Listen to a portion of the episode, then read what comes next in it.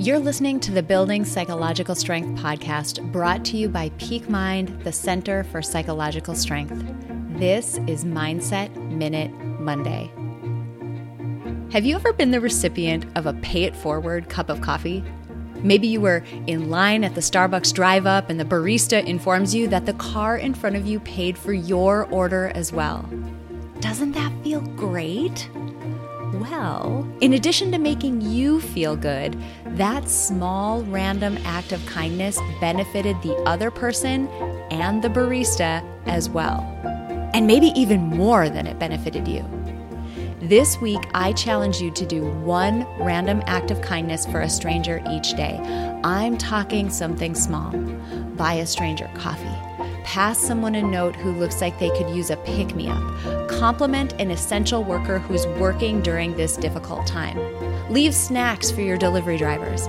Small acts of kindness add up to a big impact of joy and happiness for both us and the recipients. Try this out for a week. See how you feel.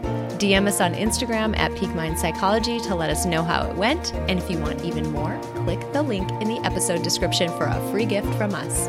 If you benefit from our content, please drop us a rating and a review on iTunes and do share this with others who might find it valuable. We'll see you next week for another Mindset Minute Monday. At Parker, our purpose is simple. We want to make the world a better place by working more efficiently, by using more sustainable practices, by developing better technologies. We keep moving forward. With each new idea, innovation, and partnership, we're one step closer to fulfilling our purpose every single day. To find out more, visit parker.com/purpose. Parker, engineering your success. As humans, we're naturally driven by the search for better. But when it comes to hiring, the best way to search for a candidate isn't to search at all. Don't search, match with Indeed. When I was looking to hire someone, it was so slow and overwhelming.